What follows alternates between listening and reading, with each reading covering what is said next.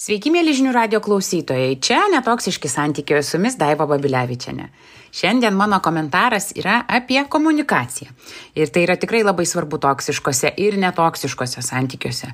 O detaliau labai noriu paliesti temą ar galbūt problemą, kaip kalbėti su tais, kurie nesiklauso. Nes tikrai labai dažnai girdžiu šitą skundą. Aš net nebenoriu kalbėtis, nes manęs negirdi, neklauso, nieko neatsako. Kam kalbėtis? Pažįstama? Pažįstama. Ir yra tikrai ne vienas būdas, kaip visgi bendrauti su tais arba užkalbinti tuos, kurie nesiklauso. Ir nekalba aišku. Klausimasis ir kalbėjimasis yra tarytum du broliai, kurie palaiko komunikacijos kanalą. Neklausau, nes neturiu progos kalbėti. Nekalbu, nes neturiu progos būti išklausytas ar išklausyta. Logiška? Logiška. Tad keli būdai, kurie galėtų iš naujo pakeisti tą bendravimo nusistovėjusi modelį, yra būtent šiandien. Vienas iš pirmųjų, galbūt net kontroversiškų, kai jūsų neklauso, yra bandyti uždavinėti daugiau klausimų aišku pirma mintis yra tai kam išvis kažko klausti jeigu vis tiek negirdi tarytum žmogaus net nėra ir nieko neatsako. Bet klausimai žmones skatina aktyviau klausyti. Kai mūsų kažko klausia mes tada natūraliai bandome rasti atsakymus užsimezga tam tikras dialogas ir užsimezga na ryšys pavadinkime taip. Tik žinoma tie klausimai neturėtų būti kodėl ir vėl neišnešei šiukšlių Ne, tikrai ne. Tiesiog pasidalijus kažkokia mintimi, savo jausmais, idėjomis, galbūt nepatenkintais poreikiais, visada galima paklausti, ar tu turi klausimų apie tai, kuo pasidalinau. Arba kaip manai, kaip galime išspręsti tai kartu. O gal tiesiog, ar norėtum išgirsti mano nuomonę šiuo klausimu, kai yra, e, tarkim, kažkokia bėda, ne, konfliktinė situacija.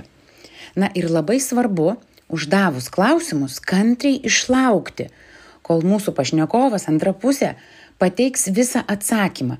Jokių intarpų.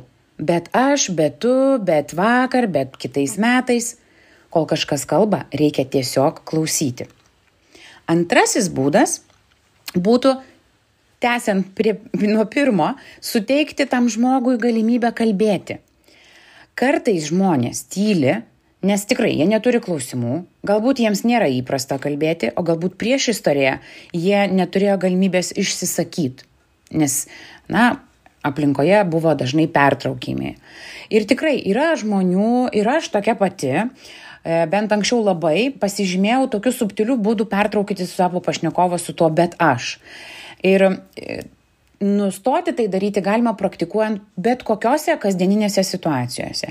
Kai jūsų antra pusė kalba ar apie mašinas, ar apie darbą, ar apie skalbinius, ar apie kažkokią tai istoriją, kai kažkas papasakojo, tiesiog reikia klausyti it su pilna burna vandens.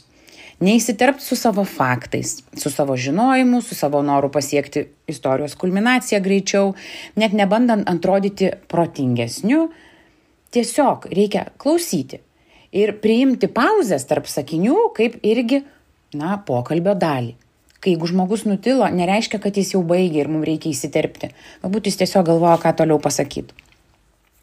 Trečias, kuris yra tikrai, be ne turbūt, na ir logiškiausias, ir svarbiausias komunikacijoje, būtent dėl to klausimo ir kalbėjimosi, tai yra prasmingo santykio kūrimas. Jei visas bendravimas poroje yra tik apie būtį, neišspręstas problemas, tai yra pragaras, o ne bendravimas. Tad reikėtų bandyti susitelkti ties santykio kūrimu. Ne ties tuo, kaip manęs negirdi, ar man nekalba, ar man neatsako, o kaip sustiprinti santyki taip, kad santykis kurtųsi, kad jisai būtų pažįstamas iš naujo.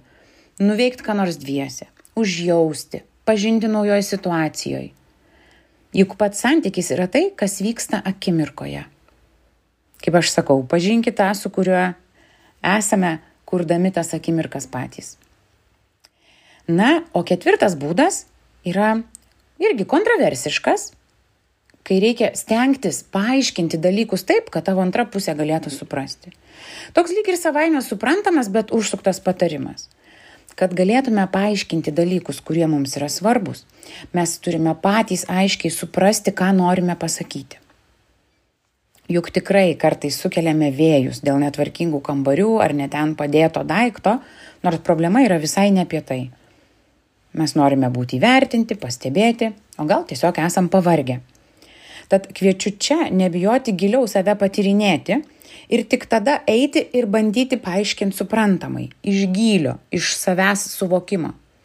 Ir grįžtant jau dabar prie pirmojo patarimo, kai yra uždavinėjama daugiau klausimų, labai sveikintina pa pasidalinus kažkokią informaciją ar iššūkį ar problemą su savo antraja pusė, visada galima paklausti, ar gali pasidalinti, kaip mane supratai.